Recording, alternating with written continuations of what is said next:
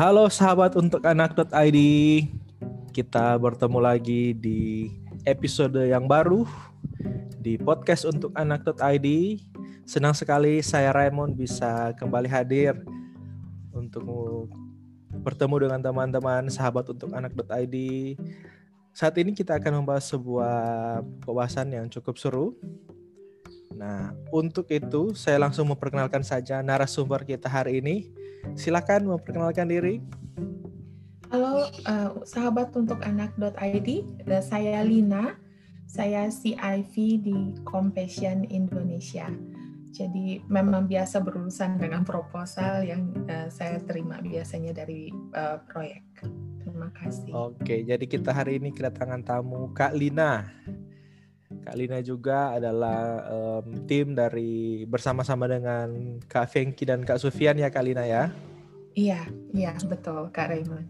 Oke, hari ini kita akan membahas tentang sebuah analisa lagi mirip dengan tema sebelumnya dengan Kak Fengki dan Kak Sufian. Saat ini kita akan membahas tentang smart analysis.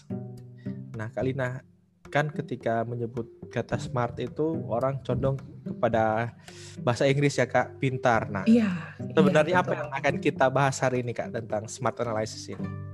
Um, memang secara uh, singkatan uh, ini memang dalam bahasa Inggris, tapi uh, kita tetap bisa mengkontekskan ke dalam bahasa Indonesia. Jadi saya pikir nggak masalah karena ini tetap akan membantu kita dalam proses uh, kita um, membuat tujuan gitu dari satu proyek gitu Kak Raymond. Oke, karena ini memang lebih condong dan lebih fokus tentang uh, CIV ya Kak Lina ya. Sebenarnya apa itu smart analysis Kak Lina? Oke, okay. smart analysis ini adalah satu metode yang uh, bisa digunakan ketika kita menetapkan satu tujuan. Gunanya untuk apa? Untuk pencapaian target tentunya. Dan uh, okay. karena di dalam satu proyek itu ketika kita menetapkan uh, tujuan akhir, kita tetap harus membuat eh, tujuan-tujuan uh, kecil atau goal-goal kecil supaya kita bisa mencapai tujuan akhirnya. Gitu Kak Rayman. Nah, smart analysis ini sebenarnya siapa yang menemukan Kak Lina? Wah, saya sempat cari itu di apa di Google hmm. tapi terlalu banyak gitu sumbernya di dalam situ. Jadi ini udah dikontekstualkan di tergantung organisasi atau uh, mereka mereka punya pos masing-masing gitu di dalam. Jadi, uh, uh, jadi sebenarnya smart analysis ini sudah dipakai secara umum, secara global ya Kak Lina ya di dunia ini oleh berbagai macam um, kepentingan mungkin ada tentang bisnis ada juga masalah pendidikan dan lain seperti itu ya Kalina iya iya. Kelihatannya seperti itu. Karena uh, terlalu banyak yang dibahas terlalu hmm. umum. Nanti di dalam uh, pembahasan kita bahkan kita akan lihat bahwa smart analysis ini uh, mem, uh, ada beberapa kata yang dirubah gitu. Oleh tergantung siapa yang sedang waktu itu membahasnya di dalam website okay. gitu Nah, kan tadi Kak Lina bilang ini adalah uh, gabungan dari berbagai um, kata bahasa Inggris ya Kak Lina. Nah, bisa mungkin dijelaskan lebih lagi tentang smart analysis itu seperti apa? Bagian-bagiannya, Kak. Oke, okay. smart itu sebetulnya kata di dalam bahasa Indonesia itu S, M, A, R, dan T. Hmm. gitu ya. Dan uh, untuk huruf yang pertama itu spesifik uh, huruf yang kedua itu measurable. Huruf yang ketiga itu achievable. Mm-hmm. Huruf yang keempat itu relevant dan huruf yang kelima itu timeline. Gitu, Kak. Mm-mm. Jadi merupakan gabungan dari beberapa kata dalam bahasa Inggris. Nah, mungkin sekarang kita bisa masuk ke S yang pertama, Kak, huruf yang pertama S. Untuk huruf yang pertama S itu uh, untuk kata spesifik, gitu ya singkatan dari kata spesifik. Itu adalah uh, penetapan tujuan yang ingin dicapai harus jelas dan spesifik. Uh, gunanya adalah untuk memotivasi kita mengarahkan segala sumber daya kita dan kemampuan kita untuk mencapai tujuan kita. Uh, jadi dalam hal ini kata spesifik itu kalau di dalam bahasa Indonesia adalah apa sebetulnya yang ingin kita capai dari proyek yang sedang kita lakukan. Gitu. Dan tujuan ini atau idenya harus dibuat sangat jelas. Uh, seperti contohnya misalnya kita dalam pembuatan bangunan rumah nih Kak. Jadi hmm uh, rancangan atau denahnya, berapa pintu yang dibutuhkan, berapa jendela yang akan dipasang, berapa ruangan di dalam rumah tersebut, berapa lantai, uh, berapa tingkat gitu ya rumahnya itu mau dibangun, bahannya menggunakan apa. Nah, itu semuanya harus spesifik, harus jelas gitu. Oh, Terutama di dalam ide besarnya. Mungkin membuat rumah tapi tan tidak ada pintu atau jendela. iya, harus benar-benar dijelaskan lebih spesifik, benar-benar spesifik. Iya, iya benar Kak Reman. Oke, kalau begitu kita pindah ke huruf yang kedua, M, measurable. Maksudnya apa itu Kak, oh. measurable? Measurable itu artinya dapat diukur. Jadi ketika kita menetapkan satu tujuan, uh, tujuan itu harus bisa diukur karena untuk membantu proses monitor monitoring di kita Eh, kita perlu tracking kan sejauh mana kita sudah capai tujuan kita. Nah, itu yang tadi saya bilang tentang goal-goal kecil itu. Jadi, ketika kita menetapkan tujuan, kita harus tahu apa ya, bagaimana cara men-tracking atau memonitoringnya. Jadi, harus ada indikator-indikator yang dibuat. Kalau di dalam bahasa kita sehari-hari itu adalah saya akan pakai kata berapa gitu ya. Kalau tadi kan apa, sekarang berapa. Kalau spesifik itu bicara tentang apa yang akan kita lakukan, kalau di dalam measurable ini berapa. Nah, contohnya gini, rencana yang dapat diukur itu, uh, misalnya dalam pembangunan satu rumah, kita nggak bisa buat rumah itu terlalu kecil atau terlalu besar. Hmm. Karena nanti dua-duanya akan timbul masalah. Kalau terlalu kecil berarti tidak bisa uh, menampung uh, jumlah keluarga yang ada. Kalau terlalu besar juga mungkin eh, terlalu banyak biaya yang harus dikeluarkan untuk perawatan dan memang karena tidak di, banyak hal yang tidak diperlukan di dalam rumah tersebut. Misal ruangan-ruangan yang tidak diperlukan gitu. Jadi measurable ini perlu ditentukan sebagai indikator atau alat ukur uh, sejak awal ditentukannya supaya kita dapat mengukur pencapaian kita gitu Kareman. Apakah ini juga uh, termasuk berapa lama sebuah proyek itu bisa diselesaikan, terus berapa uh, berapa um, pendanaan yang dibutuhkan, bisa seperti itu ya kak? Betul, betul. Karena uh, nanti memang karena setiap proyek selalu berurusan dengan budget gitu kan ya, hmm. ya Kak ya. Gitu. Jadi memang uh, pada akhirnya kita perlu menentukan jumlah supaya misal kita nggak mau beli uh, pintu tiga, sementara pintu itu cuma perlu dua, misal pintu di belakang dan di depan gitu. Atau mungkin pintu kamar gitu ya. Tapi kan nggak mungkin misal pintu kamarnya dua, pintu depan satu, pintu di belakang satu, tapi terus kita beli sampai 10 pintu. Jadi buat apa yang enam pintu lagi gitu? Iya, seperti itu kak. Oke, tadi kita sudah membahas tentang spesifik, tentang apa, lalu kita baru saja membahas tentang measurable yang di, dapat diukur yang kalau Kak Lina pakai kata tadi berapa, berapa lama, berapa banyak. Nah, kita pindah ke huruf berikutnya Kak, achievable. Apa yang sebenarnya dimaksud dengan achievable ini? Oke, okay. achievable. Nah, ini yang agak tricky kak, yang tadi saya sempat hmm. bilang bahwa ada beberapa uh, sumber itu bilang ini achievable, ada yang bilang assignable, ada yang bilang attainable. Tapi uh, setelah dicek nggak masalah, karena sebetulnya intinya adalah uh, kita berusaha untuk menetapkan satu tujuan yang realistis. Jadi istilah bisa beda, tapi sebetulnya maknanya sama gitu ya. Nah, jadi kita berusaha untuk mencapai tujuan kita dengan cara yang realistis sesuai dengan kapasitas, kemampuan, waktu, dan sumber daya. Karena ketika kita mulai satu proyek, tentunya kita ingin proyek itu bisa dilakukan sampai selesai. Hmm. Seperti itu kan ya kak.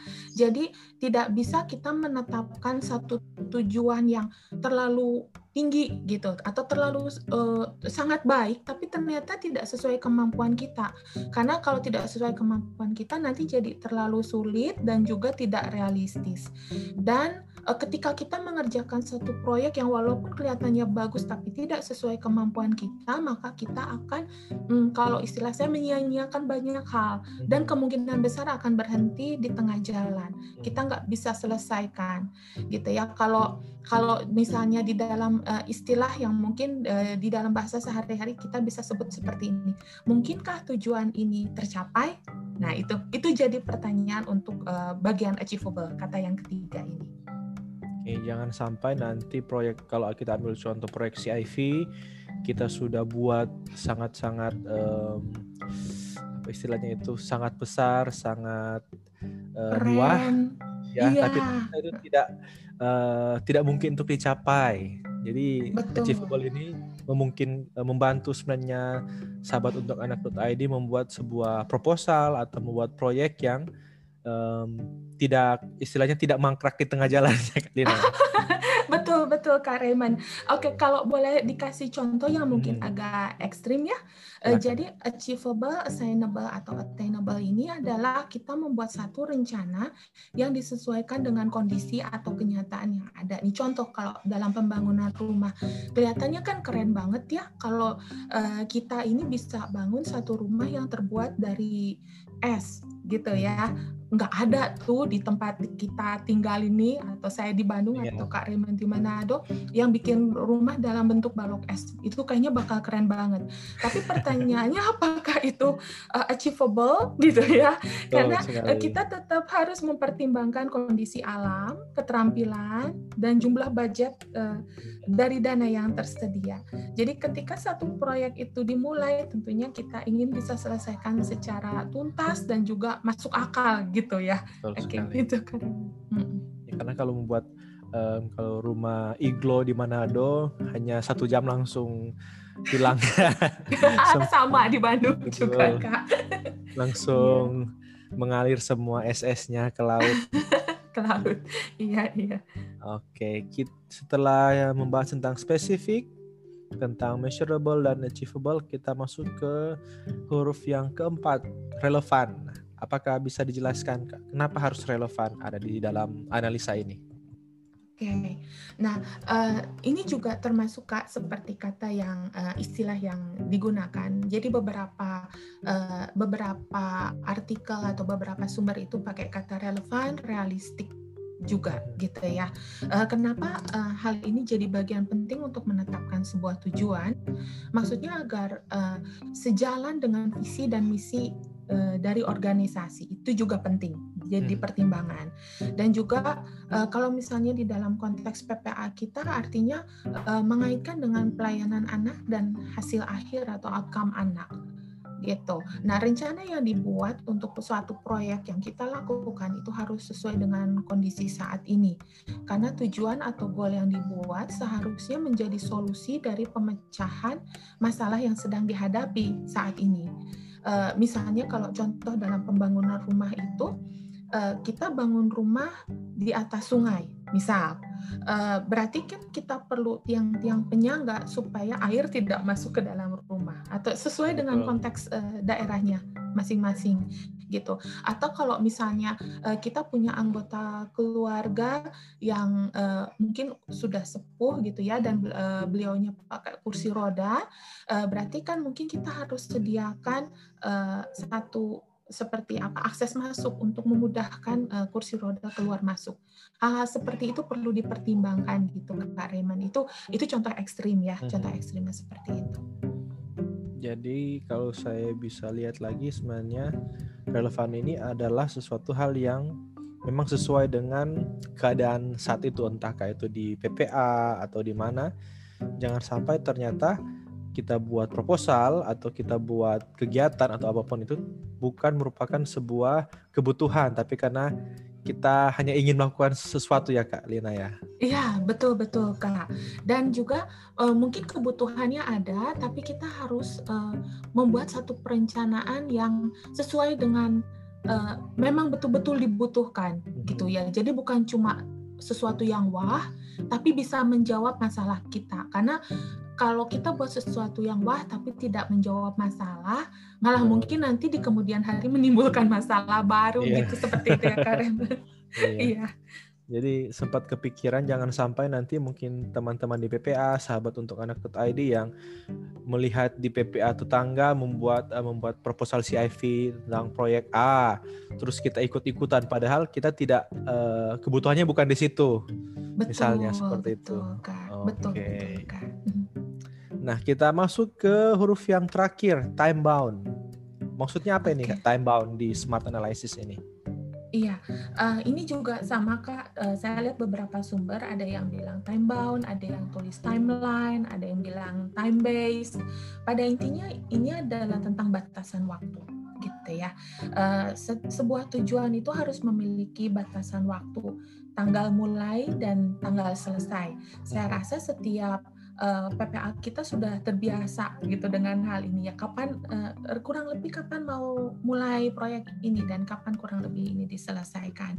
Nah, karena batasan waktu ini sangat penting untuk membantu kita mengukur sumber daya yang kita miliki dan juga uh, ketika kita menentukan sebuah tujuan ada urgensinya sesuai dengan waktu. Kalau di dalam bahasa kita sehari-hari kita bisa bilang kapan atau berapa lama untuk memperjelas bagian ini, gitu. Dan uh, karena batasan waktu berapa lama dalam suatu proyek itu akan menentukan keseluruhan proyek dan juga setiap tahapan yang akan dilakukan untuk menyelesaikan proyek tersebut. Dan tentunya ya kalau kita udah tahu tentang proyek itu kan ada beberapa bagian tuh Kak Reman. Misalnya kalau ini rumah ya ada bagian uh, dinding, ada pengerjaan pondasi gitu, ada pengerjaan atap. Nah kita tidak mau menghabiskan waktu misalnya hanya untuk pengerjaan uh, tertentu seperti misalnya pondasinya udah jadi, dinding udah jadi, ternyata masang pintunya kelamaan gitu. Hmm. Karena ingat waktu itu selalu berurusan juga dengan uh, budget kita. Makin lama yeah. tentunya budget yang dibutuhkan akan makin besar. Dan tentunya seperti yang tadi kita sudah diskusikan, waktu bicara tentang tujuan kita pengen lihat uh, proyek ini sampai selesai, bukan hanya selesai di bagian tertentu. Gitu Kak Oke, okay. jadi memang time bound atau time limit itu sangat diperlukan supaya kita tahu kapan kita memulai dan kapan kita selesai ya Kak Lina ya. Betul, betul Kak. Uh, ini juga akan mempertimbangkan karena uh, ketika kita mulai satu proyek, misal Eh, kita kita udah sudah terbiasa ya dengan uh, satu tahun itu 12 bulan dari Januari sampai Desember. Ada waktu-waktu tertentu karena terpotong liburan yang sangat panjang dan ada waktu-waktu tertentu harga-harga bisa uh, sangat tinggi Yeah. gitu. Itu itu itu menentukan kak. Jadi kenapa waktu itu penting untuk ditentukan? Sejak awal tujuan itu ditentukan uh, waktu itu harus dilibatkan di dalam penentuan tujuan karena itu juga nanti akan menentukan budget dan apa uh, solusi atau kebijakan yang akan kita lakukan terhadap kondisi saat itu. Gitu kak oke. Nah, setelah kita membahas satu persatu smart ini tentang spesifik, yang kedua measurable atau dapat diukur, yang ketiga achievable dapat dicapai, keempat relevan, keempat time bound atau batas waktu.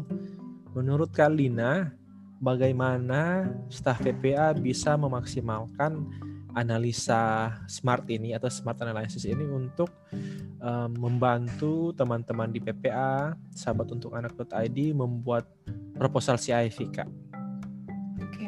Nah, uh, smart ini sebetulnya tampil sangat jelas itu di hmm. bagian objektif uh, pada pada format proposal kita. Okay. Gitu. Itu disebut bagian objektif atau bagian tujuan.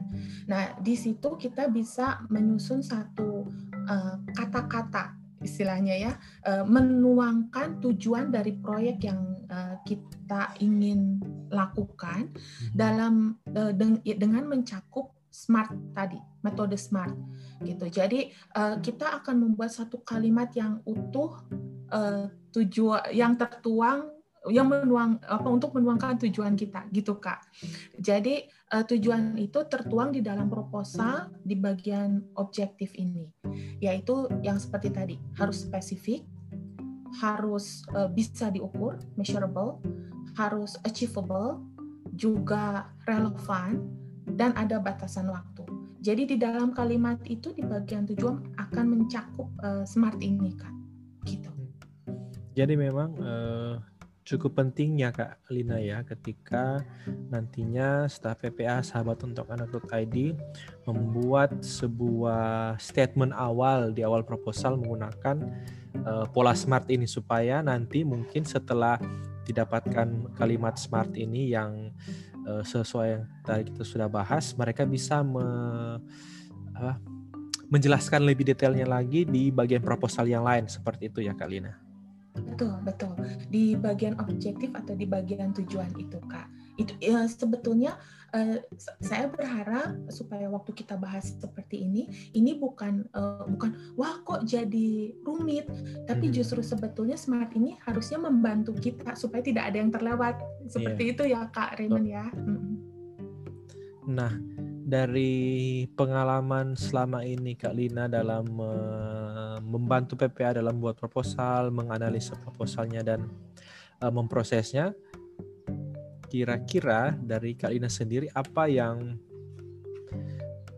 menjadi kelemahan smart analysis ini jika ada menurut Kak Lina? Oke, okay. um, kalau disebut kelemahan uh, sepertinya kita nggak bisa bahas begitu ya kak hmm. karena uh, smart ini cuma jadi salah satu metode yang membantu gitu hmm. memang kalau uh, membuat uh, kita lebih lengkap mungkin kita bisa pakai metode-metode yang lain tapi yeah. smart ini kalau saya lihat ini lebih uh, sebagai alat bantu supaya kita uh, menetapkan tujuan itu dengan lebih jelas dan lebih utuh itu aja sih kak kalau saya sih lihatnya seperti itu jadi sebenarnya kelemahannya smart analysis ini adalah ketika tidak dipakai kali okay, hanya, iya, benar, benar, hanya benar, diketahui benar. saja menjadi ilmu pengetahuan tapi tidak pernah digunakan dalam kehidupan nyata. Iya. Oke, Kalina. Nah, um, karena kita sudah panjang lebar membahas tentang smart ini, tentang spesifik, measurable, achievable, relevan, dan time bound dari Kak Lina sendiri, kira-kira adakah hal-hal yang mau disampaikan kepada sahabat untuk anak.id yang mendengarkan podcast ini tidak hanya tentang tentang masalah smart analysis ini tapi juga hal yang lain yang berhubungan dengan uh, eh, CIV atau membuat proposal CIV silakan Kak. Oke, terima kasih Kak Reman. Uh, uh, sahabat anak untuk anak.id uh, senang sekali uh, kita bisa membahas smart ini dan uh, sebenarnya saya sangat berharap adalah uh, semoga pembahasan tentang smart ini bisa membantu dan diterapkan uh, di dalam uh, penulisan proposal kita terutama di bagian objektif atau tujuan dan indikator of success. Kenapa demikian? Supaya ini membantu uh, membantu juga untuk uh, sahabat untuk anak.id di dalam pembuatan satu proposal. Karena sebetulnya kalau si uh, kalau metode ini digunakan kelihatannya akan sangat membantu uh, ketika sahabat untuk anak.id menyusun satu proposal sehingga proposal itu kelihatan uh, jadi lebih sederhana dalam pembuatannya tapi tetap lengkap dan tidak mengurangi kualitasnya. Begitu uh, sahabat untuk anak.id. Terima kasih Kak Rayman. Oke, terima kasih Kalina. Jadi sekali lagi sahabat untuk anak.id, teman-teman sahabat PPA yang mendengarkan podcast ini, pergunakanlah uh, metode smart ini ketika nanti teman-teman di PPA membuat proposal, terlebih khusus di bagian goal atau tujuan sehingga nanti ketika menjelaskan detailnya nanti di bagian proposal lain lebih terarah dan lebih um, membantu harapannya bisa membantu teman-teman membuat proposal yang berkualitas. Dan harapannya ketika proposal berkualitas itu bisa dibuat bisa lebih cepat pendanaannya. Seperti itu ya Kalina ya Iya, iya benar. Amin. Kak Kita doakan. Amin. Oke, terima kasih Kak Lina sudah hadir di podcast untuk anak.id hari ini. Semoga tidak jemu-jemu ketika mungkin nanti kami ingin mengundang Kak Lina di rencana-rencana ke depan. Harapannya bisa turut ambil bagian lagi ya Kak Lina ya. Iya, saya yang terima kasih banyak sudah diundang untuk uh, untuk sahabat untuk anak.id. Uh, terima kasih ini satu kehormatan sama-sama Kalina. Ya. Oke, terakhir buat teman-teman sahabat untuk anak.id yang mendengarkan podcast ini, jika punya pertanyaan berkaitan dengan pembahasan kita hari ini smart analysis ataupun ingin bertanya hal yang lain atau mau mungkin mengusulkan topik bahasan yang lain yang teman-teman ingin kita bahas di podcast untuk anak.id, teman-teman bisa memberikan komentar, memberikan masukan di situs anak.id di bagian uh, forum diskusi di situ ada judulnya podcast. Nah, teman-teman sahabat untuk anak tadi bisa menulis komentar, pertanyaan ataupun ide-ide yang nantinya pasti kami baca dan harapannya itu bisa membantu teman-teman setiap tema episode episode di podcast untuk anak.id ini harapannya bisa membantu teman-teman di PPA dan di mana saja berada di Indonesia. Untuk itu, terima kasih sudah bergabung di podcast untuk anak.id. Sampai jumpa di episode selanjutnya dan salam untuk anak Indonesia.